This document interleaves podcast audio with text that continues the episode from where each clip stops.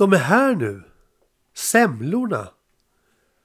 Det är inte klokt egentligen vad vi har breddat vår valfrihet. Och kräftorna. De säljs i princip året om nu för tiden. När jag var liten så var det kräftpremiär en gång om året. Då såldes kräftpaketen på en bensinmack och just denna dag hade den öppet till klockan 12 på natten. Hela familjen packades in i vår gråa Volvo PV och så körde pappa ner till bensinmacken invid E4. Sedan inhandlades kräftorna med lagens goda minne. För att sälja kräftor en dag för tidigt, det var strängeligen förbjudet. Och semlorna, de bakades bara just till fetisdagen, 47 dagar före påsk. På den tiden var det något alldeles extra med semlor och kräftor. Idag är det vardagsmat. Ungefär som när vi tror att japanerna äter sushi var dag. Ingenting kan ju vara mera felaktigt. Och när någonting blir vardagsmat, då sjunker också vår uppskattning i en brant kurva nedåt.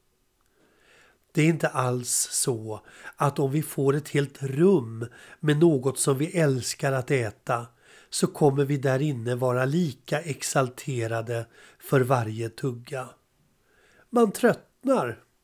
Tänk om tomten skulle komma varje dag, tänker jag. Jag tar en tugga på min semla som faktiskt smakar riktigt bra för att vara årets första. Eller rättare sagt en försmak av nästa års semmelsäsong.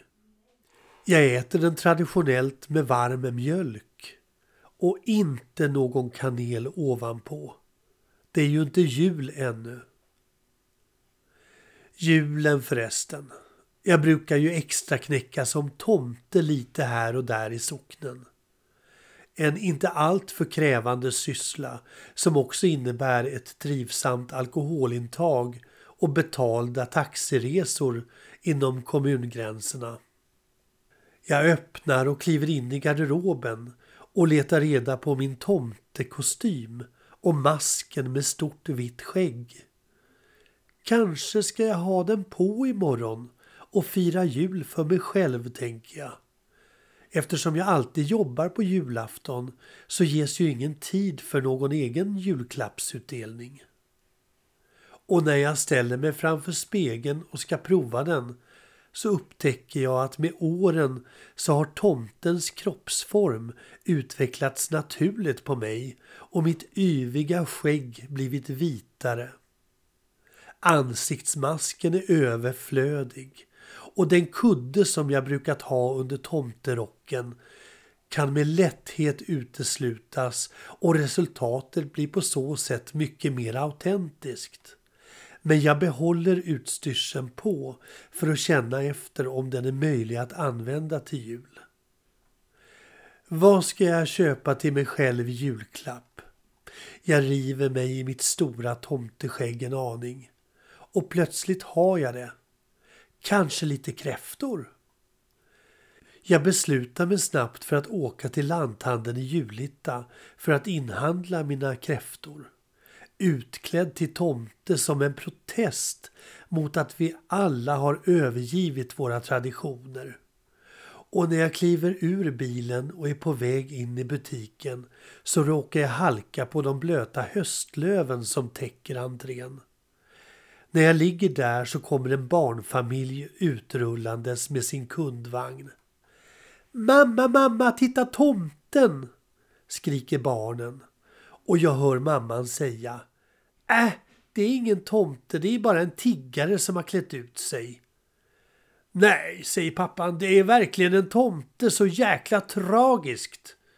Har du redan börjat supa? frågar han mig.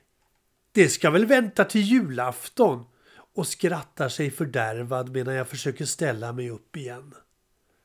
Äter du semlor och kräftor när det behagar dig? frågar jag den skrattande pappan. Ja, visst, självklart, svarar han. Då ska du fan inte lägga dig i när vi tomtar super.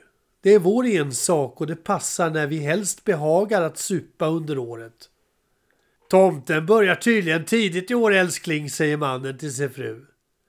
Kanske bäst att köpa sig en egen mask och dräkt så att barnen slipper fylla och bråk i år. Gör det, säger jag. För i år strejkar tomten. Han vill hellre jobba på sommaren. I varje fall jag.